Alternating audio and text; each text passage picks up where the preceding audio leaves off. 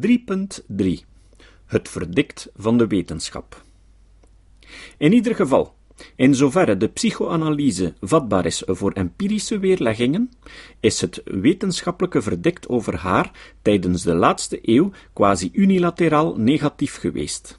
Dat de psychoanalyse aan de faculteit psychologie van de meeste universiteiten nog hoogstens als een historische curiositeit wordt aangezien, komt omdat er na honderd jaar nog steeds geen enkele specifiek psychoanalytische hypothese is die confirmatie heeft gekregen in onafhankelijke en gecontroleerde onderzoeken.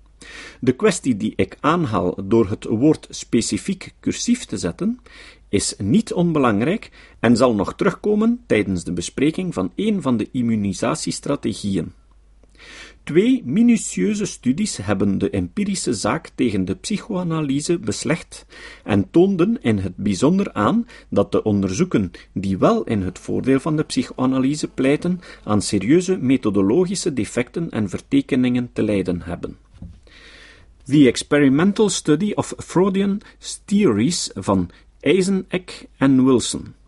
En recenter, A Final Accounting Philosophical and Empirical Issues in Freudian Psychology van Edward Irwin. Ook de therapeutische verdiensten van de psychoanalyse zijn bij nadere inspectie bijzonder mager gebleken. Ondanks de methodologische problemen die met onderzoek naar therapeutische effecten gepaard gaan, staat volgens de meeste hedendaagse wetenschappers vast dat de psychoanalyse, veruit de langste en duurste vorm van therapie op de markt, nauwelijks betere resultaten kon voorleggen dan de talloze andere therapievormen of zelfs dan een placebo-behandeling. Niet alleen heeft de psychoanalyse bitter weinig therapeutische verdiensten, ze heeft bovendien een aanzienlijke schade aangericht in het psychotherapeutische veld. In het Livre Noir is uitvoerig gedocumenteerd hoe psychoanalytici, verblind door hun pseudowetenschappelijke dogma's, talloze ouders nodeloos culpabiliseerden door het autisme of de gedragsstoornissen van hun kinderen, de beruchte frigomoeders, of eindeloos groeven naar vermeende onbewuste complexen achter aandoeningen met een puur biologische basis, terwijl ze ondertussen effectieve medicamenteuze behandelingen tegenhielden.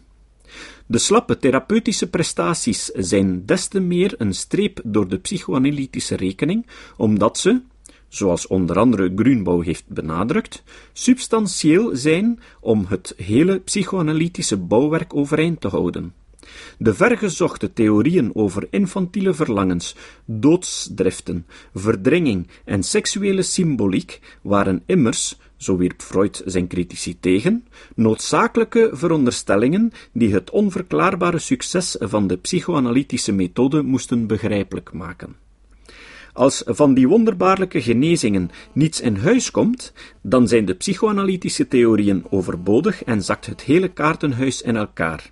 Wetenschappelijke onderzoeken wijzen uit dat het psychoanalytische argument van het succes, dat tevens diende om de kritiek van de suggestie het hoofd te bieden, neerkomt op pure bluffpoker. Was het in Freuds eigen kabinet anders gesteld? Beschikte hij dan tenminste over de unieke therapeutische gaven om het argument van het succes hard te maken?